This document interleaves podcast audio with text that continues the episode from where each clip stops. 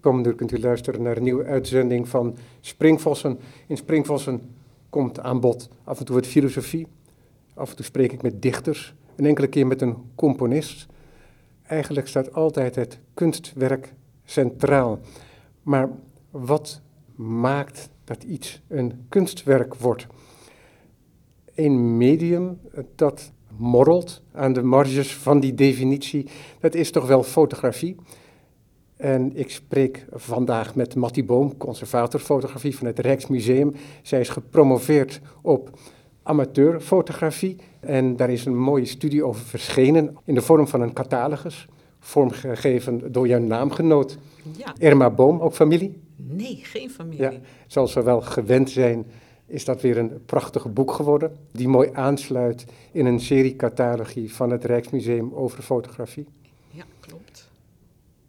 De eerste was geel op snee, de tweede blauw op snee en deze magenta, zou ik zeggen, omdat we het toch over fotografie hebben. Ja. Je zou ook kunnen zeggen fuchsia voor die mensen voor wie magenta een wat duisterder kleur is. Ja. Dat beslaat de periode 1880, 1940, heel duidelijk afgebakend waarom dat zo is. Daar hebben we het zo meteen wel over. En ook waarom in een museum zoveel aandacht is voor amateurfotografie. Ik heb ook wel eens met mensen gesproken van bijzondere collecties van de Universiteit van Amsterdam. En daar verzamelen zij ook niet alleen de bijzondere boeken, het antiquaire, maar daar verzamelen zij ook drukwerk, bijvoorbeeld uit de 17e eeuw. En daar ligt dan ook altijd het pijnpunt, dat is niet zo breed voorhanden. En in, de veel, het veel jongere medium fotografie is dat ook wel een probleem, denk ik, Matti. ja, dat klopt. We hebben een depot vol met topstukken. En dat zijn echt eh, ja, hoogtepunten uit de geschiedenis van de fotografie. Zowel uit de 19e eeuw als uit de 20e eeuw, uit de 21e eeuw. En dat ligt bij ons dan in het depot op school, noemen wij dat. Dus de Nederlandse fotografen bij elkaar, Frans, Engels, Amerikaans, Duits. En binnen zo'n land ligt het dan op alfabet, zodat je de hele productie van één fotograaf bij elkaar hebt. En voor de 19e eeuw zijn dat bijvoorbeeld Anna Atkins, Gustave Le Gray, de Rembrandt onder de 19e eeuwse fotografen. Voor de 20e eeuw kunnen dat zijn Edward Weston, Ed van Elske, Brassai. We hebben echt prachtige voorbeelden in het depot liggen. Maar er ligt ook een hele categorie, eh soort van weeskinderen. En dat zijn fotoalbums. Die zijn van oudsher in onze collectie beland, omdat dat hoorde tot de fotografieverzamelingen die door het Rijk, door de Staat der Nederlanden in de jaren 80 zijn verworven. Ehm, ik denk dat wij 1500 fotoalbums in het depot hebben liggen. En daarbij zijn ook heel veel anonieme fotoalbums die je echt puur als een voorbeeld in die collecties hebt. En een van die anonieme albums, dat was het Kodak-album, zo noem ik het maar. Er stond groot op de voorkant geschreven Scraps. Eh, de band zag er een beetje Amerikaans uit. En in het album zaten allemaal ronde foto's. En dat betekende dat ze met de eerste Kodak-toestellen gemaakt zijn. Dus rond 1889, 1890. Dat zijn van die rechthoekige, veelal zwarte doosjes. Ja. En die ik zelf eigenlijk als kind alleen maar kende van oude Donald Duck afleveringen. Ja, van die eh, boxjes. En die boxjes, dat zijn handcamera's. En die handcamera's, die kon je makkelijk meenemen. Daar kon je buiten mee fotograferen. Eh, je kon er binnen mee fotograferen, waar je in die periode daarvoor, dus in de eerste 50 jaar van de fotografie, altijd naar een studio moest om je portret te laten maken. Of om een stadsgezicht of een landschap te kopen. Maar dat waren altijd foto's die professionelen, die anderen gemaakt hadden. En met zo'n handcamera, en dat is ook de revolutie van de late 19e eeuw. Daarmee kon je zelf fotograferen. Je kon jezelf en je familieleden, je dierbaren op de foto zetten. Je maakte zelf de foto's, je stelde zelf je album samen. Je had echt zelf de regie. Dus ik noem dat altijd, de, we hebben vandaag die iPhones, ik noem dat altijd de i-camera. Dus ik sta altijd centraal in beeld. Ik sta voor de Eiffeltoren of ik zit in de gondel in Venetië of ik ben met mijn vrienden uit voor een uitstapje op het strand. Waarmee er ook zoiets bestaat, op een bescheiden manier wellicht, van de ik-auteur. Dat je niet alleen maar zegt, ik ben hier geweest en ik heb daar een, laten we zeggen, objectief bewijs van, want ik heb een foto van de Eiffeltoren, maar ik heb er eentje uh, met alle mankementen van dien die ik zelf gemaakt heb. Ja, dus de, uh, uh, camera was eigenlijk, en zo werd er ook in de late 19e eeuw over geschreven, de permanente begeleider. Dus je had dat ding altijd bij je en je kon foto's maken op het moment waarop je dat wilde.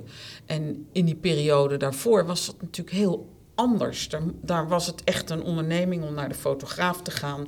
De beelden waren veel statischer. En doordat je dan in die late 19e eeuw zelf met je eigen camera op pad ging, werd die fotografie ook veel dynamischer, veel sneller, veel spannender. En nou ja, in dat Kodak-album waar ik het net over had, daar zitten prachtige foto's waaruit je als je, als je goed kijkt, de, de moderne fotografie ziet ontstaan.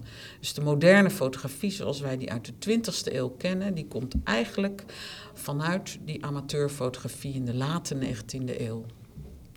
Heb je kunnen identificeren van wie dat album is? Ja, dat was een spannende onderneming en het heeft ook nog wel lang geduurd, want je slaat allerlei zijpaden in. En je, je hebt ook wel missers in zo'n onderzoek. Maar er zat een foto in het album. Dus weer zo'n ronde foto.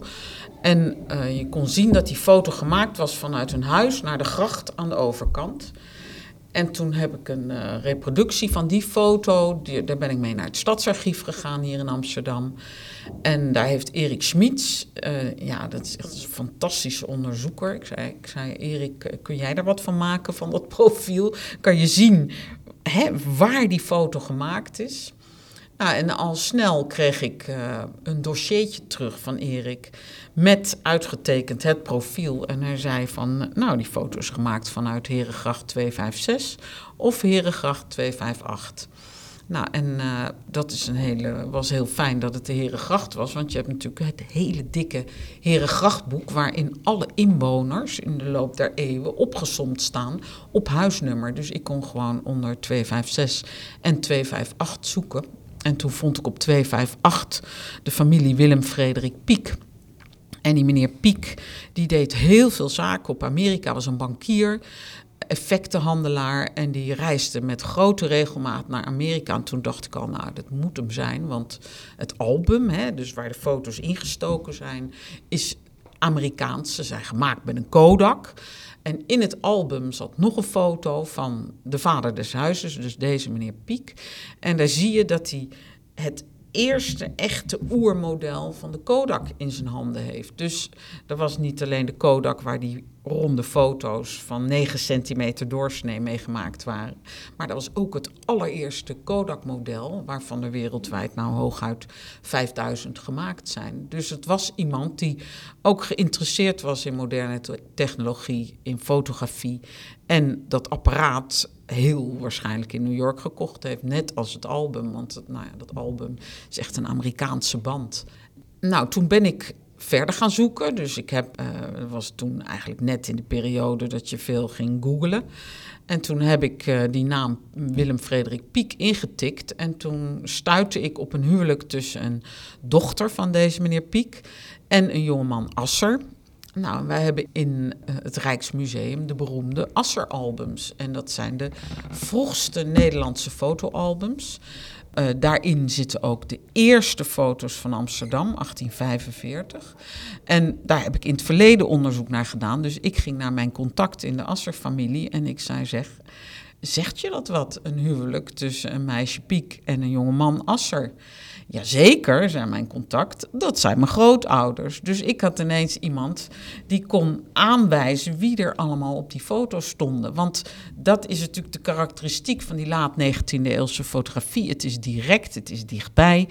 Uh, je maakt je foto's terwijl het leven zich voltrekt. En niemand schrijft erbij wat er op de foto staat, wie er op de foto staat. Want je kent iedereen. Dat hoeft er niet. En nou ja, in zijn geval was het van: oh, dat is die, dat is die, dat is die. En de jongen uh, die uh, de foto maakte, die ook op de voorkant van de catalogus staat, de springende jongens aan dek, die is ook op, op de tentoonstelling tentoongesteld. Dat was Willem Frederik Pieck junior. En dus uh, de, de zoon van deze meneer, uh, van de bankier. En die was op dat moment een jaar of 15, 16. En die zat op de openbare handelsschool hier in Amsterdam. En dat was een soort opleidingsinstituut voor jongens die hoge functies in handel, bedrijfsleven, dus in de bedrijvigheid kregen. En hij maakte die foto van die springende jongens op het dek. En dat was tijdens een excursie van die openbare handelsschool naar de Oostzee. Want dat was onderdeel van het onderwijsprogramma. Dat ze ieder jaar op excursie naar die Oostzee gingen. En deze Willem Frederik Pieck junior was later de directeur van de Holland-Amerika-lijn. Hij zat in de klas bij Frederik van Ede. Hij zat in de klas bij Floor Wieboud. Hij zat in de klas bij Anton Philips. Dus ik had in één keer de setting te pakken. Dus ik wist in één keer van oké, we hebben hier een Kodak-album. We hebben typische press the button fotografie. Dus er zijn mensen die drukken op de knop en die leveren hun camera bij de fotohandel in stonden zelf niet in de donkere kamer. En uh, je denkt altijd dat die introductie van de Kodak uh, betekende de democratisering van het beeld. Dat wordt wel in de handboeken geschreven. En waar zit het? Het zit in de hogere kringen. En vooral in die kringen waar veel fabrieksdirecteuren, hoogleraren, ingenieurs zaten. En het zijn vooral deze mensen, en dan met name hun zonen, uh, die gingen fotograferen, die die camera's, die nieuwe technologie, uh, wilden zien en ervaren en proeven en daarmee aan de slag gingen. Ja, en dat is misschien nog steeds wel zo, hè, dat nieuwe technologieën op die manier uh, hun intrede doen in de maatschappij. Ja, dat zeker, maar het is de, de, de amateurfotografie is toch wel degelijk via de hogere kringen uh, in de hogere kringen ja. begonnen en daarna geleidelijk aan doorgecijpeld. Ja. En om in te gaan op dat press the button, dat klinkt nu zo vanzelfsprekend, dat doet uh, nauwelijks mensen opkijken. Maar het is belangrijk om te weten dat nog niet zo heel lang daarvoor de fotografie een domein was van onderzoekers, knutselaars, mensen geïnteresseerd in chemische processen. Ja. Um, vaak enkelingen, maar misschien wel in een soort internationaal verband, omdat ze wellicht wel met een soort bewustzijn opereerden van een wedren wie het eerste de nieuwe vondst uh, zou doen. Want ja. dat er uh, niet één standaard was aanvankelijk, is daarbij heel belangrijk om te bedenken. Er waren allerlei verschillende technieken en wat dan de, de beste was, dat ja. uh, moest ja. zich nog laten zien. Ja, de fotografie is natuurlijk in 1839 geïntroduceerd. En het zijn vooral de pioniers geweest die dat verder hebben gebracht. Dus die meneer Asser, waar we het net over hadden, Eduard Isaac Asser, die woonde hier in Amsterdam en die was nieuwsgierig. Die was, had, had belangstelling voor natuurkunde, voor scheikunde.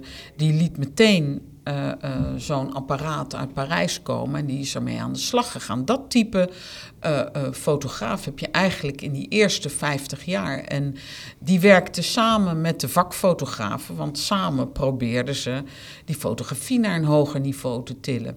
En dan aan het eind van de 19e eeuw, dan krijg je zo iemand als George Eastman, de directeur van, van de Kodak, die iets heel anders bedacht. Die dacht, ik moet zoveel mogelijk toestellen afzetten, ik moet zoveel mogelijk rolfilm afzetten, ik moet zoveel mogelijk droge platen verkopen. Nou, die en, probeert van begin tot eind aanwezig te zijn in dat hele proces. Ja, ja, Eastman is iemand, het is, het is net alsof het een uh, spelletje risk is.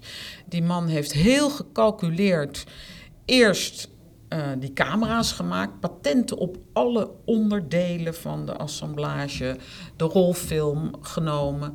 Uh, dus dat heeft hij eerst gedaan en toen is hij op zoek gegaan naar markten. Dus hij heeft eerst een vestiging in Londen gehad. En vanuit Londen is hij verder in Europa gaan kijken van waar kan ik filialen oprichten. In Brussel, in Parijs, in Sint-Petersburg, in Berlijn, in Cairo, Noord, Noord-Afrika. En dan op een goed moment, dan zie je ook, kan je, je kan precies de productiecijfers per land per jaar zien van elk type camera. Dan zie je ook dat hij zich richt op de markt in Azië. Want dat is natuurlijk een groeimarkt voor hem. Dus hij gaat echt wereldwijd kijken van waar kan ik zoveel mogelijk van die toestellen afzetten. En dat, dat is heel gericht. En wij denken allemaal ook dat meneer Eastman met zijn Kodak-bedrijf de enige was, maar dat is niet zo.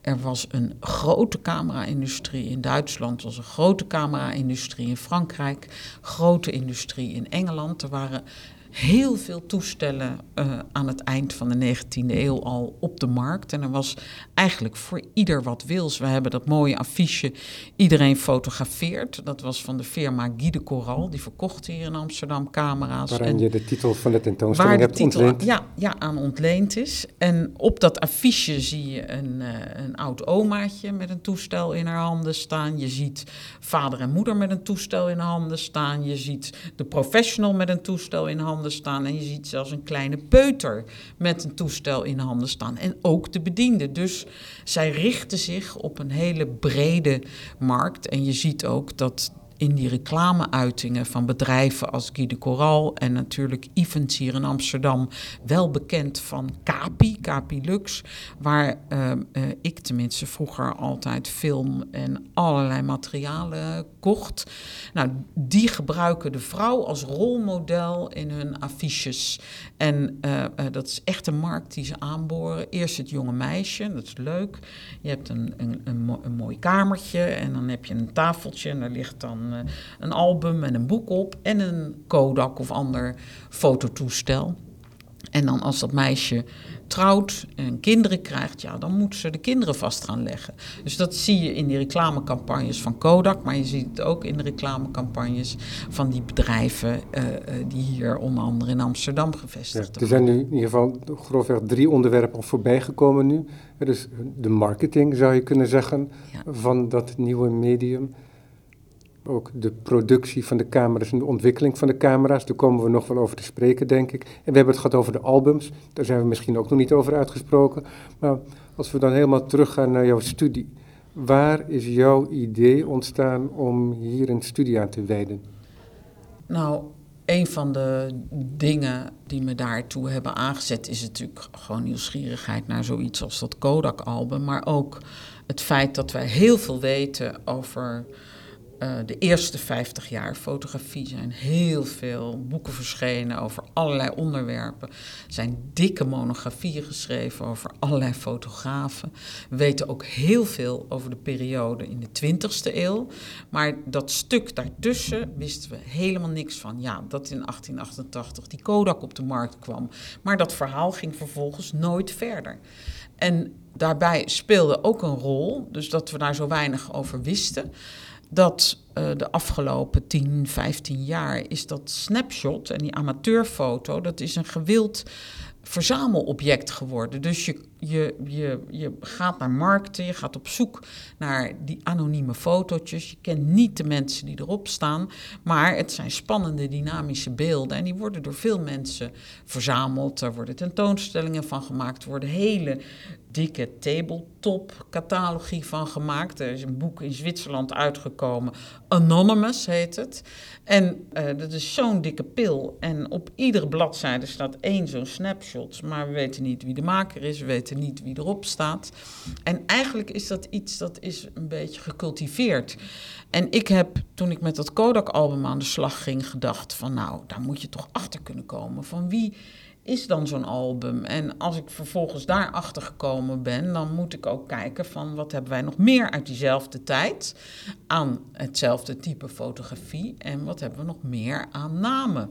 Hè? We hebben een uh, prachtige selfie op de tentoonstelling hangen. Die is uit 1888 en die is van een jonkheer uit Zeist, Henri Pauw van Wieldrecht.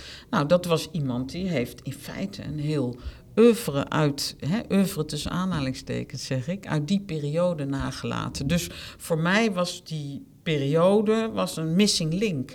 Ik dacht, ik moet uh, nu onderzoek naar gaan doen naar wat dat voor een groep is.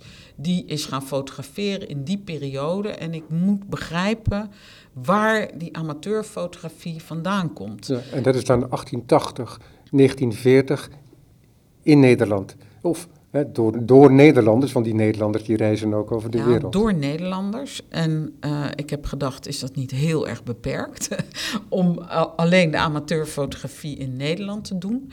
Maar aan de andere kant, als je je onderzoek het uh, even tot het eigen land beperkt, dan heb je makkelijker toegang tot ego-documenten. Je hebt makkelijker toegang tot families die er nog wat over kunnen vertellen. En ik dacht, als ik dat nou maar één keer van ons land heb uitgezocht, dan ontstaat er een soort model waar je ook in andere landen mee aan de slag kunt. En een van de bevindingen van het onderzoek was dat die jongens die in Amsterdam in 1887 hier de eerste vereniging voor amateurfotografie hebben opgericht, de AFV, in uh, met een groepje of twintig. Die kenden wij altijd van groepsfoto's uit de late 19e eeuw. Zo stonden ze in de tijdschriften van de verenigingen. Uh, bolhoeden op, uh, sigaar in de hand. Uh, nou ja, dat leken altijd lijvige, bedaagde heren. En toen ben ik beter gaan kijken naar hun leeftijd op het moment dat ze die verenigingen oprichten. En toen bleek dat ze 18, 19, 20 waren. En dat een van de, ja, de bedenkers van die vereniging was Bram Lohman junior. Hij was de zoon van een uh, Amsterdamse hoogleraar muzikologie. En hij ging naar de Technische Hogeschool in Berlijn op jonge leeftijd. En daar heeft hij zijn opleiding gedaan bij meneer Herman Vogel. Net als Evans trouwens, de, de, uh, Kees Evans, de vader van Joris en de oprichter van Capi. En uh, onder andere ook Alfred Stieglitz, die zat daar in dezelfde periode, de beroemde Amerikaanse fotograaf. En die jongens die deden echt een opleiding in de techniek van de fotografie. En uh, Lohman had een zeker talent als, als camerabouwer. En hij vestigde zich hier in Amsterdam in de Tweede Helmerstraat als camera-reparateur. Dus ik heb die advertenties van dat bedrijfje teruggevonden.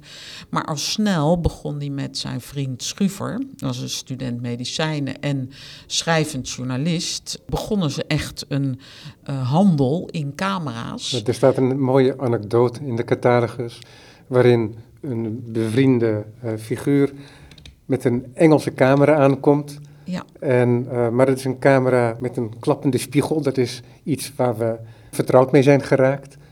Maar dat was toen nieuw. Alleen die spiegel die klapte met zoveel uh, leven, Geweld, leven ja. uh, vanuit zijn 45 graden positie dat een stabiele foto nauwelijks te maken was. En toen heeft deze Lohman, en dat is misschien wel typerend dan voor het soort figuur wat hij is en misschien ook wel de pioniers zijn geweest, heeft dat hele ding ontleed. Vervolgens om te kijken hoe het gemaakt werd en vervolgens iets te bedenken hoe het beter zou kunnen. Ja, hij, hij, uh, hij kreeg bezoek van uh, Dirk van Haren-Nooman. En dat was, uh, was een, een, best beroemde dermatoloog. En deze Dirk van, van Haren-Nooman die was bezig met het maken van foto's van zijn patiënten om uh, die verschillende ziektebeelden van die huidziekten in, in beeld te krijgen. Er is een heel groot, dik boek over geschreven om die huidziekte beter te kunnen diagnosticeren. En hij had toen die, die camera nodig, dus dat was iemand die kwam van... Uh, er was in Amsterdam nog een vereniging voor amateurfotografen en dat heette de Geleerde Vereniging. Daar waren vooral de hoogleraren lid. En hij is dus naar die jonge Bram Lohman gestop, gestapt. En samen hebben ze inderdaad die camera eerst gekeken van kunnen we hem verbeteren. En vervolgens gezegd nee, we moeten zelf bouwen. En zo is Lohman, Bram Lohman aan de slag gegaan. En die heeft zelf die reflexcamera gebouwd. Dus dat is echt een Amsterdamse vinding, een Amsterdamse innovatie. En dat is de camera die uiteindelijk aan de wieg heeft gestaan van de Leica, van de spiegelreflexcamera zoals wij hem uit de 20e eeuw kennen. En de Leica zoals Willem Frederik Hermans hem uh, noemt in zijn boeken bijvoorbeeld. Ja, ja. Het is uh, bijna de archetypische handcamera Ja, voor want- de 20e eeuw. Ja, Lohman die was iemand die zette telkens een nieuw zaakje op. Dus hij, het waren echte start-ups volgens mij. En dan kreeg hij weer ruzie met iemand, dus dan hield het weer op. En zijn personeel van het eerste uur, hè, want Lohman had natuurlijk met Schuver samen, Lohman en Co. Dat was een camerafabriek in de Warmoestraat. Eh, nou ja, die hield na een paar jaar op, eh, hoe talentvol die jongens ook waren. Maar Lohman was volgens mij een, een grote ruziezoeker. Maar zijn personeel is later naar Duitsland gegaan en heeft dus inderdaad letterlijk aan de wieg van die Leica gestaan. Dus bij de Duitse camera-industrie gaan werken. En je merkt ook op in, eh, in je tekst dat de markt in Nederland eh, ook kleiner is dan in omringende landen, waardoor het ook misschien moeilijker is om een krachtige industrie op poten te zetten. Ja, en wij hadden in Nederland geen patentwetgeving, pas Ja. vanaf 1912. En dat betekende dat elke camera die op de markt gezet wordt, werd, gewoon nagemaakt kon worden. En ik denk dat dat ook de reden is dat Kodak zich tot 1913 niet in Amsterdam Heeft vertoond. of in andere Nederlandse steden heeft gevestigd, eh, maar daarmee heeft gewacht totdat die patentwetgeving op orde was. Wat Kodak wel al op een vroeg moment in Amsterdam heeft gedaan, is het merk deponeren. Dus ik geloof dat dat al in 1891, 92 zo'n beetje is gebeurd hier in Amsterdam. Eh, maar het apparaat echt hier op de markt zetten, dat, dat, eh, ja, dat, dat kon nagebouwd worden. En dan kreeg je slechte versies van die oorspronkelijke camera's.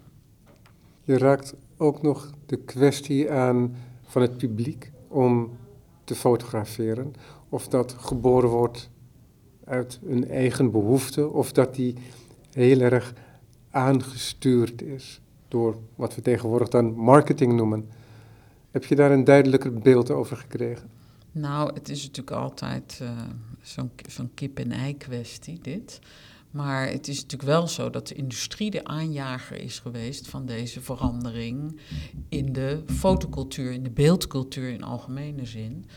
Eh, in die zin dat, dat de industrie, eh, er was zo'n felle concurrentie in die late 19e eeuw, dat, die, dat echt innovatie op innovatie volgde. En dat het ene merk eh, eh, eh, met iets op de markt kwam en dan vervolgens het andere. En dat ging in een soort razend tempo, waardoor de drempel om te fotograferen steeds lager werd. Het, werd het, het gebruiksgemak stond natuurlijk voorop. Nou ja, Kodak is daar inderdaad een, een heel mooi voorbeeld van. U hoeft alleen maar op de, op de knop te drukken en wij doen de rest voor u.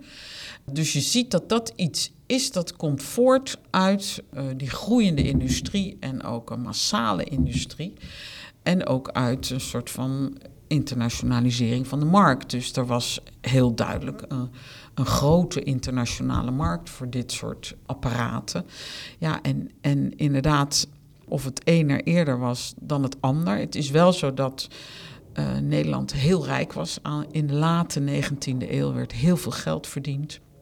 En ik denk dat er eh, veel geld te besteden was voor eh, de burgerij. Er waren voldoende people of leisure. Ja, Ja. en eh, die mensen reisden ook heel veel. Dus dat wat ik voor net vertelde over de jonge Piek, die leerling was aan die openbare handelsschool. Die jonge jongens, die werden vaak uitgestuurd op een soort wereldreis, een grand tour, maar dan een met een zakelijke kant. Namelijk, zij moesten voor de bedrijven van die vaders contacten onderhouden, eh, eh, kijken hoe het ging hè, op de verschillende plekken in de wereld. Dus zij maakten wereldreizen en op die wereldreizen namen ze natuurlijk camera's mee om foto's te maken van wat ze onderweg tegenkwamen.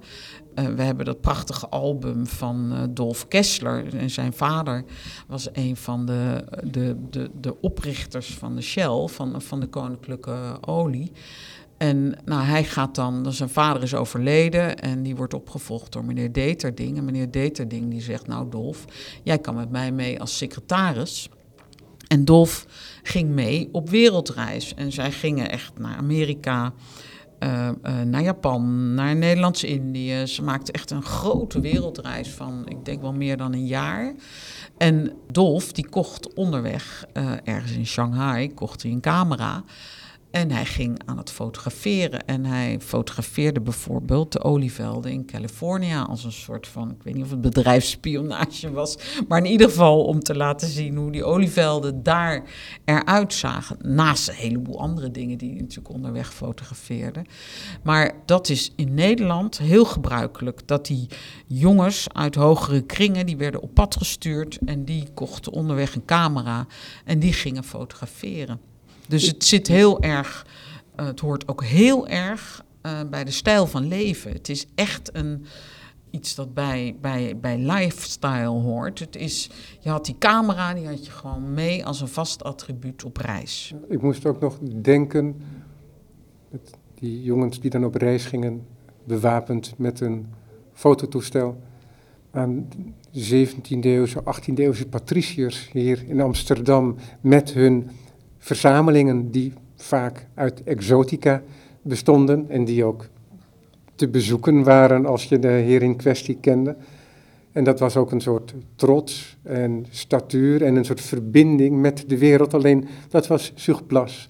En nu is het zo dat de verzamelaar van fotografieën uh, zelf de wereld overgaat en zijn buit mee terugneemt. Maar goed, daar moest ik eventjes aan denken dat het nog steeds eenzelfde dezelfde burgerij betreft. Ja. ja. Amateurfotografie, dat is het onderwerp. In die tijd werd er daar ook al zo over gesproken. Ja, er werd uh, vaak over gesproken. Uh, er werd wat afgediscussieerd. En dan met name binnen die verenigingen. Wat ik net al zei, je had in Amsterdam de AFV. Dat was de vereniging die door Bram Lohman was opgericht. En dat was vooral voor voor, voor jonge mensen en voor een breder publiek. En uh, heeft ook een tijdschrift opgericht, Lux. En eigenlijk uh, was het ook zo dat dat tijdschrift voor hem, voor de zaak, heel goed was. Want er werd over fotografie gesproken, er werden camera's gedemonstreerd, er stonden, konden advertenties in geplaatst worden van die camera's. Dus er was discussie binnen de verenigingen en discussie in de tijdschriften. Helios, uh, de andere vereniging van de hoogleraren, was natuurlijk een serieuze vereniging. Is een prachtige foto, die staat ook in het boek. En dan zie je de mannen rond de tafel zitten en dan zijn ze elkaars werk aan het keuren. Nou, we hebben hier in Amsterdam een, uh, een, vereniging voor amateurfotografen. Die doen dat nog steeds. Die nemen hun eigen foto's mee en die, uh, die gaan bekijken van... nou, ik vind dat dit wel zus had gekund of zo had gekund. Um, uh, die verenigingen organiseerden ook in een late 19e eeuw tentoonstellingen. Um, waarop mensen één of twee foto's instuurden. En waarop je werk werd beoordeeld. Uh, er verschenen uitgebreide recensies in die tijdschriften en soms ook in de kranten. En ja, dan werd er geschreven over de kwaliteit van het werk dat daar te zien was. Dus er was wel degelijk een setting waarin over de stand van de fotografie gesproken werd. En uh, het is ook zeer zeker zo dat, je, dat er onderscheid gemaakt werd tussen die press-the-button amateurs die maar raak schoten. En de serieuze amateur die ervoor zorgde dat hij een prachtige afdruk, ingelijst, een, een prachtig genrestukje, een landschap. Uh, uh, uh, met een bijna literaire titel naar zo'n tentoonstelling instuurde. Dus er waren twee soorten fotografie, maar dat botste en schuurde aan alle kanten. Dus aan de ene kant had je die burgerij en die wilde de kwaliteit van leven verbeteren. En daarom organiseerden ze die wedstrijden, tentoonstellingen. En aan de andere kant had je natuurlijk een grote groep mensen die kochten die camera's en die gingen aan de slag. En dat waren inderdaad mensen die maar op de knop hoefden te drukken en er was een beeldje. Die stonden niet in de donkere kamer, die gingen hun afdrukken niet zelf maken. Um, uh, dus er waren twee soorten amateurs. En de verenigingsamateurs die. Uh, uh, uh, die hadden ook echt een, een soort van, van, van richting. Die, die ontmoetten overal in allerlei landen in Europa ontmoetten ze elkaar. En samen noemden ze die stijl waarin ze fotografeerden, dus die van de landschapjes en genrestukjes, met die literaire titels, dat noemden ze het picturalisme. Maar eigenlijk was dat een fotografie-stijl uh, uh, waarin uh, een foto eruit zag als een schilderijtje van de Haagse school. Was ook een van de recensenten hier in de Amsterdamse Courant. Die schreef op een goed moment: Ik kan niet eens zien of het een foto of een schilderij is. En dan zijn ze ook nog gesigneerd. Onzin, vond hij het. Ja, maar waren dat dan een soort rederijkers? Um, nou, het waren. Uh, uh, de mensen op de. Uh, dus je ziet dat die verenigingen die worden opgericht door die jonkies. En die jonkies die hebben daar ook uh, zakelijk belang bij om dat te doen. En dan na een paar jaar dan wordt het overgenomen meer door de hoge heren. Door inderdaad de bedaagde heren die ervoor moeten zorgen dat die fotografie op peil komt. Want zij sturen natuurlijk in. Ze sturen in al heel snel bijvoorbeeld naar een internationale tentoonstelling in New York. En dan oordelen diezelfde mannen van nou, zo goed was het niet. Ze sturen in naar de wereldtentoonstelling in 1900 in Parijs. En dan staat er weer een vernietiging vernietigende recensie in het tijdschrift. En daar staat dan in van hoe hebben we het zo durven insturen, want het niveau van die andere fotografen dat ligt veel hoger. Nou, en de, de, de fotografie van die picturalisten, of ze noemen zichzelf soms ook wel kunstfotografen, dat is eigenlijk een weinig levensvatbare richting gebleken. Er is A, heel weinig over van voor 1900. Dus we, ik kan het wel lezen in de recensies, wat er gemaakt werd. En dat zijn vaak hele oudbollige uh, uh, uh, titels. Dus ik noem maar wat, wandelend paardje bij avondzon en dat soort gedragen titels. En je schrijft ook dat ze een beetje aansluiting zochten in een beeld bij de schilders van de Haagse school, die op hun manier ook die vervlogen tijden proberen te doen herleven ja. in de schilderkunst. Ja, en als je uh, hier bij ons op zaal in het Rijksmuseum kijkt in de 19e eeuw, dan zie je dat die. Daar hebben we een groot deel van, van de vleugel 19e eeuw is Haagse school. En dan zie je dat het allemaal werk is van rond 1900. En dat werk dat ge ge geeft een soort lieflijk beeld van Nederland. Dat natuurlijk heel erg aan het veranderen is in die late 19e eeuw. Dus het is een soort tegenbeeld. En datzelfde zie je in de fotografie, dezelfde uh, uh, stijl, zullen we maar zeggen.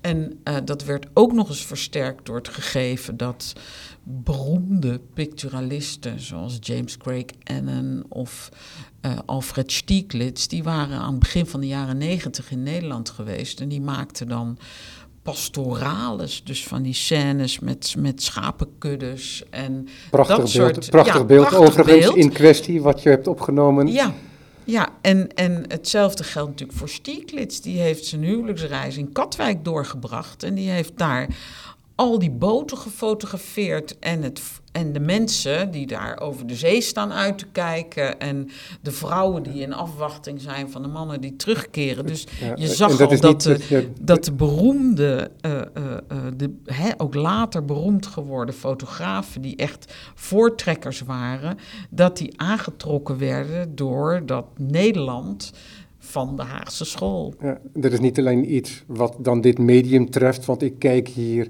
door het raam achter jou en dan kijk ik uit op het Rijksmuseum, want wij zitten in het pand er tegenover. En het, de architectuur van het Rijksmuseum spreekt eigenlijk ook die taal. Die spreekt ook die taal van een omkijken naar vervlogen tijden Ja. in zijn eclecticisme. Ja, het interessante is dat, dat nou ja, zoals je, wij zitten, je, je, vertel, je legt net uit waar wij zitten. We zitten natuurlijk ook in Amsterdam-Zuid. En eh, eh, waar je ook kijkt hier, zie je die rijkdom van die late 19e eeuw. Je ziet eh, aan de architectuur van de huizen, van de voordeuren, van de gebeeldhouwde hardsteen aan de gevels. Je ziet de rijkdom. En eh, eh, Nederland verdiende op dat moment heel veel geld in de koloniën. Uh, mensen reisden op en neer naar Nederlands-Indië, naar Suriname.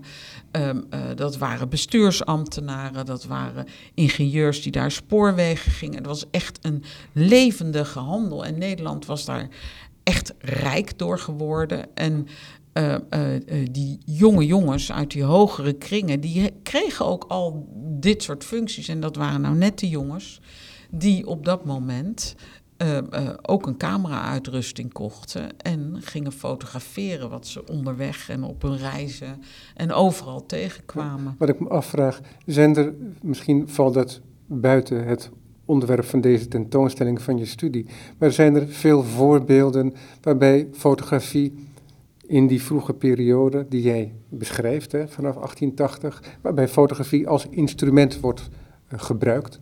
Zoals in het geval met de dermatoloog die bevriend was met Lohman. Ja, dat klopt. Het is, je, je kan eigenlijk zeggen dat die tentoonstelling in twee onderwerpen uiteenvalt. Je hebt het dagelijks leven, dus mensen zochten het dicht bij huis, fotografeerden in en om het huis en uh, uh, de eigen familie op uitstapjes, picknicks, uh, strandbezoek. En aan de andere kant is er het gebruik van die camera om om je heen te kijken. Dus we hebben een paar prachtige voorbeelden in de tentoonstelling van Theodor van Lelyveld.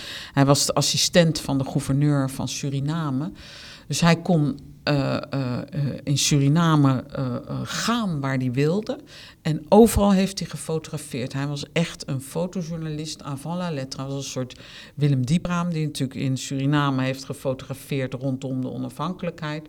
Nou, precies hetzelfde heeft Van Lelyveld gedaan. In 1895, hij is in de binnenlanden geweest, waar die mensen uh, uh, in, in, kleine kreken, in kleine dorpjes uh, wonen. En dat heeft hij vastgelegd. En dat is heel bijzonder. Dat, dat, dat zie je niet op foto's die je toen kon kopen bij de fotohandel. Of dat zijn echt unieke foto's. Of de foto um, die gemaakt is met een, een, geheimcamera, zoals dat heette. De Stierns geheimcamera door Snoeker Gonje. was een Leidse hoogleraar, Arabist. Um, en die werd door de Nederlandse overheid flink betaald om uh, de, de moslims die vanuit uh, de grote bedevaart gingen ondernemen om in Mekka die mensen te fotograferen en natuurlijk ondertussen ook aantekeningen te maken en ze te ondervragen. Maar uh, uh, de Nederlandse overheid betaalde hem 1500 gulden destijds om te leren fotograferen. En met die geheimcamera die je in je binnenzak moest stoppen en die telkens uh, ronddraaide, kon je zes ronde kleine opnametjes mee maken, heeft hij op het grote plein in Mekka, natuurlijk echt letterlijk in het geheim, uh, gefotografeerd. Dus er zijn en mensen. en dan heeft hij de, de Kaaba gefotografeerd, het ja. zwarte vierkant, en ja. die dan gevat is, en dat is dan uh, heel formalistisch, in, op een ronde schijf in zes ronde foto's. Ja. Prachtig beeld. En het is een beeld wat verboden was. Ja, en voor hem was het natuurlijk ook heel duidelijk studiemateriaal. En uh, uh, datzelfde gold natuurlijk ook voor Van Lelyveld. Die had het ook kunnen laten bij puur en alleen zijn familie fotograferen. Maar nee, die ging in Suriname alles fotograferen. Alle arbeidsmigranten die binnenkwamen. Uh, de architectuur in Paramaribo. het landschap. De, allerlei aspecten legde die heel welbewust vast in een fotoreportage. En dat is ook het interessante aan die amateurfotografie. Dat je ziet dat dat het begin is geweest van de persfotografie. Want aan het eind van de 19e eeuw, in dezezelfde periode, dus laten we zeggen rond 1895, kan je voor het eerst foto's in tijdschriften en in kranten um, uh, afdrukken. Dat betekent, hè, je kon ze omzetten in een raster en je kon ze tegelijk in één drukgang met de tekst drukken. En uh, wat zie je in die tijdschriften? In tijdschriften als Eigen Haard. Nou, Nederland was net in Aceh uh, behoorlijk aan het oorlog voeren. Alle foto's die in het blad staan, die werden door amateurs opgestuurd. Dus amateurs onder de legerofficieren of onder de medische officieren. Dus de amateurfotografie. Um, uh, uh, of de amateurfotografen, die werd ook heel vaak gevraagd van stuur uw spullen in. En de tijdschriften publiceerden dat. dus het is ook het begin van de persfotografie. Ja, dus meer dan dat nog, want jij stelt in je catalogus ook en dat is wel een centrale gedachte, denk ik, die uit jouw studie uh, bovenkomt, is dat de esthetiek, zoals die omarmd wordt door de modernisten, hè, door Laszlo Molinac bijvoorbeeld van Bauhaus, dat die esthetiek al zichtbaar is bij die vroege amateurs.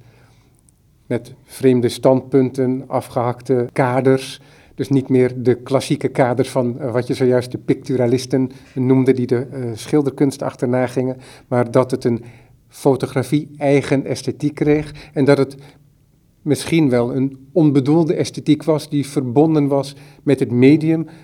Enerzijds het gemak van het medium en anderzijds misschien wel de technische hindernissen die samenhingen met dat medium. Ja, die werden in feite omzeild. En, uh, uh, maar geleidelijk aan gingen natuurlijk steeds meer mensen inderdaad die foto's maken. En je ziet ook in de fotoalbums, daar zie je foto's waarvan je denkt, jeetje. Dat, uh, nou ja, een van de voorbeelden is natuurlijk, dat zijn de foto's van Olie Explorer, Henk ter Keurs. Die ging in opdracht van de Bataafse, ging die naar Venezuela en, en naar, naar Midden-Amerika. En uh, daar gingen ze op zoek naar oliebronnen. Maar ja, hij neemt, nam, nam zijn camera mee en hij is daar uh, de Venezolanen uh, gaan portretteren. ook weer het leven dat hij onderweg tegenkomt. En ja, ik vind het een soort een Nederlandse Walker Evans. Het is heel vergelijkbaar in kwaliteit. Dus als je de foto's ziet van de bekende uh, eh, 20e eh, eeuwse fotografen, dan denk je ineens van hé, hey, dat komt hier vandaan. En voor mij was ook een van de eye-openers dat ik in Londen in het Victoria and Albert Museum heb ik uh, de fotoalbums van Bill Brandt, dat is beroemde fotograaf, bekeken. En ik sla die albums open. En ik dacht bij mezelf, waar ken ik die foto's van? Dat waren allemaal foto's die kenden wij van later in de 20e eeuw, van de museummuur. Dan werd er een overzicht van, van Bill Brandt georganiseerd. En daar hingen die foto's dan groot opgeblazen aan de muur. Maar het is begonnen als postzegelplaatjes in het album dat hij als jonge man toen heette die nog uh, uh, Wilhelm of Willy Brandt. En uh, toen is hij op een goed moment naar Engeland geëmigreerd in de jaren 30. En daar is hij gaan fotograferen. En al die foto's die later zijn oeuvre zijn gaan vormen, die zaten in dat fotoalbum. Ja, en zo zijn er veel meer voorbeelden te vinden en te zien. En die zitten in die albums van uh, enthousiaste amateurs. Hè. De een en, natuurlijk... deze, en deze brand die personifieert dat in zijn eentje, die overgang? Uh, nou, hij is niet alleen. Uh, uh, nee, maar ik bedoel ja. dat die overgang van de amateurs en die beeldtaal en die je later dan terugziet bij, laten we zeggen, de avant-garde en de modernisten. Bij hem zie je dat, dat hij aanvankelijk inderdaad een enthousiast amateur is ja. en uiteindelijk inderdaad een professioneel fotograaf ja, wordt. En, en, en als kunstenaar beschouwd wordt. En dat is natuurlijk een hele interessante overgang, want waar, waar gebeurt dat en waarom en op wat voor manier? En uh, nou ja, dat is, dat is onderwerp voor een volgend onderzoek. Want eigenlijk zie je natuurlijk dat de fotografie pas in de jaren 70 van de 20e eeuw een kunst is geworden en als kunst beschouwd is. Maar ergens is deze generatie jongens die als, als, als jongens camera's van hun vaders kregen, die zijn voor zichzelf verder gegaan. En die zijn inderdaad die fotografie verder gaan ontwikkelen. Die hebben geleerd om af te drukken. Nou, heel gangbaar in de 20e eeuw is natuurlijk dat je vergrotingen ging maken. Dat konden ze aan het eind van de 19e eeuw. Nou, nog maar net of nauwelijks. En uh, uh, dus je ziet dat zij de fotografie als kunst zijn gaan onderzoeken en daarmee aan de slag gegaan zijn en daarmee zijn gaan experimenteren. Ja, en toen in één keer in de jaren uh, 1970, 1980 was de fotografie ineens kunst geworden. Ja, en dat is een onderzoek eigenlijk, wat nog steeds gaande is, want het lijkt net alsof fotografie als kunstvorm in een soort permanente emancipatie zit. Ja. Dan Denk je op enig moment dat het nou wel een keertje gedaan is en geformuleerd. En dan zie je dat er weer nieuwe ontwikkelingen zijn, hè, zoals heden ten dagen. Dat er een deel van de kunstfotografie toch heel zwaar leunt op eh, het concept. Ja. En het beeld inderdaad daar als consequentie van ziet. En wat we dan ook zien, als we dan weer helemaal teruggaan, en dat is ook wel onderwerp geweest van tentoonstellingen, al, ook bij jullie buren, Amerikaanse tentoonstelling die naar Amsterdam is gekomen, Snapshot, jou wel bekend, Ja. een prachtige catalogus van Yale University. Ja. En daarin zie je ook dat kunstenaars, schilders, zoals eh, Breitner, maar vele anderen, ook de hele Nabi-groep hield zich ermee bezig in Frankrijk, dat zij ook fotografeerden. En onderwerp van die tentoonstelling is dan om te zien hoe de fotografie hun blik op hun eigen schilderkunst beïnvloedt. Ja, dat is een hele interessante groep. En dat is natuurlijk ook een aspect dat de Nederlandse amateurfotografie interessant maakt. Dat, is dat eh, ook wij die peintre fotograaf hebben, zoals dat is gaan heten. Eh, eh, en dan met name Breitner en Witse. En ehm, ehm, dat zijn mensen die. Dat zijn natuurlijk in feite professionele beeldmakers. Ze waren amateurfotografen, maar ze waren professionele beeldmakers. En zij konden ook uiteindelijk veel beter of visualiseren of onder woorden brengen wat de kracht was van die nieuwe fotografie. En bij Breitner zie je dat hij het op de straat zoekt. Hij, hij gaat eh, eh, fotograferen en wij zien ineens een beeld dat je filmisch kunt noemen. Dus je, je voelt dat de handeling doorgaat en dat die vrouw het beeld uitloopt en dat daar weer vrouwen aankomen. Dat is, het is meer een sensatie dan dat het een afbeelding is. Ja, iedereen kent zijn schilderij wel van een zicht op de Paleisstraat, waarbij een, een hoofd Ja. van een jonge dame bijna wordt afgesneden. Ja, die vrouw komt de brug oplopen, die, die komt recht op je aflopen. En zo fotografeerde hij natuurlijk ook. Dus dat is een soort eh, directheid die eh, ze aan die fotografie, aan dat beeld ontlenen. Want zo iemand als Breitner, die heeft natuurlijk duizenden foto's gemaakt. Die had ze allemaal liggen. We hebben in het museum maar hij toonde hier... ze niet. Nee, hij toonde ze niet, maar hij keek er wel naar. Dus En het was voor hem was het echt ook- instrument. ja, hij bracht ze ook in categorietjes onder. Dus ik noem maar wat, paarden bij tegenlicht of eh, eh, regen op het plaveisel. Zo, dat schreef hij erbij.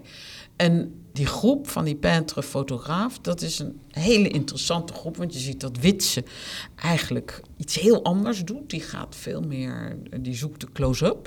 Die gaat dus echt de koppen van zijn vrienden eh, eh, vastleggen. En dat probeert hij op allerlei manieren. En schrijft daar ook over aan zijn vrouw van... nou, ik ben weer bezig geweest, en, maar het licht was niet goed genoeg. En nou ja, nu heb ik een, een, een lichte achtergrond gekozen... en dan kiest hij weer een donkere. En dan zie je iets, dat heb je nog niet eerder in fotografie gezien... dat die camera zo dicht op je kop komt. Ja. En dan heb je zo'n figuur als Jesserun Mesquita. Ja, Oliveira Mesquita heet hij volgens mij. Jesserun de Mesquita. Mes- ja, Jozef. En, ja. en die heeft toch echt een hele ja, dat na- was een soort... natuurlijke hand Ja. als fotograaf. Die heeft maar heel kort geleefd, deze man. Ja. Maar de foto's die er in de catalogus staan, die staan ook echt in één keer als eh, serieus werk. Ja, en hij schreef ook. Hij was echt eh, eh, onder de tachtigers een beetje een, een eh, enfant terrible. Ehm, eh, zijn broer Samuel Jesserun de Mesquita is natuurlijk een bekend kunstenaar. En deze Jozef die legde zich vooral toe op de fotografie. En hij heeft in zijn hele korte leven, hij heeft, heeft zelfmoord gepleegd met Siankali. Je zou zeggen de chemie, waar, waar, nou ja, daar heeft hij het vandaan gehaald. Maar eh, ja, hij begon ermee om van die directe portretten te maken. En hij heeft ook een boekje geschreven dat hier in Amsterdam is uitgekomen. Handleiding voor den amateurfotograaf. Dus echt voor die generatie die dan eh, eh, gaat fotograferen, heeft hij opgeschreven van nou, als je dit wil, moet je het zo doen. Als je dat wil, moet je het zo doen. Kan je beter die camera kiezen. En nou ja, op die manier. En ja, eigenlijk heeft Witse van hem het stokje overgenomen. Die is op dezelfde manier doorgegaan. En als je foto's van Witses atelier ziet, aan het Oosterpark, dan zie je ook de foto's van Jesse Run, die zie je op zo'n wand geprikt. Dus hij keek daarnaar. Hij, uh, uh, hè, dat is iets, dat nam hij over en dat fascineerde hem. Dus ook daar zie je weer van dat het en de blik naar buiten en de blik naar binnen is. Ja, ja. ja want wat natuurlijk de kunstenaar eigen is, is dat als een schilder gaat fotograferen, is hij nog steeds kunstenaar. Ja, en in feite een beeldspeler. Daar hebben mensen aan mij gezegd: waarom neem je die pentere fotograaf nou op in die tentoonstelling? Maar aan de andere kant, uh, uh, wij kennen dat werk uit die periode vooral uit boeken. Ehm, eh, van websites, groot van affiches. En ik heb gedacht, nou ja, het is al eerder begonnen. Toen wilde ik een van die Franse fotografen in, uh, in Musée d'Orsay, de, uh, Maurice Denis, wilde ik het werk in het echt zien. Want ik kende het allemaal wel uit boeken. Maar ik dacht, hoe ziet het er nou eigenlijk uit? Want ik dacht, dat moeten hele kleine fotootjes zijn. En inderdaad, kleine foto's. Natuurlijk in die boeken wordt het groot opgeblazen. Op onze websites wordt het tegenwoordig groot opgeblazen. Dus je wilde zien, hoe ziet dat werk er nou werkelijk uit? En toen ik dat had gezien, toen dacht ik van nou, die uh, Breitner en, uh, en Witse, dat is echt fantastische kwaliteit. Als je dat daarmee vergelijkt, dat is iets bijzonders. Ja. En misschien nog wel veel beter. Ja, want wat en, mij opviel aan die tentoonstelling Snapshot, is hoe achterloos die fotografie ook gebruikt werd door die kunstenaars. Ja, hè, in uh, het, het, familieleven, ja. echt kiekjes, zoals ja. wij dat tegenwoordig noemen. Ja, ja klopt. En uh, ja, je, dus je ziet aan de ene kant wel dat specialisme van hun er doorheen komen. Dat zie je meteen natuurlijk. Maar aan de andere kant, als je al die andere foto's ernaast ziet, dan zie je dat het verschil niet eens zo groot is. En het is natuurlijk één en dezelfde traditie waar het allemaal uitkomt. Ze, ze, hè, ze, ze, kochten allemaal die camera's op dat moment, maakten van die kleine printjes, plakten ze op kartonnetjes. En ja, zo werd er met het beeld omgegaan. Matti, we zijn nog lang niet uitgesproken. Jij hebt je nieuwsgierigheid nog lang niet bevredigd, ook al ligt het prachtige boek er, is die tentoonstelling er. Die is te bezoeken voor iedereen. Iedereen fotografeert. Matti Boom, dankjewel. Geen dank.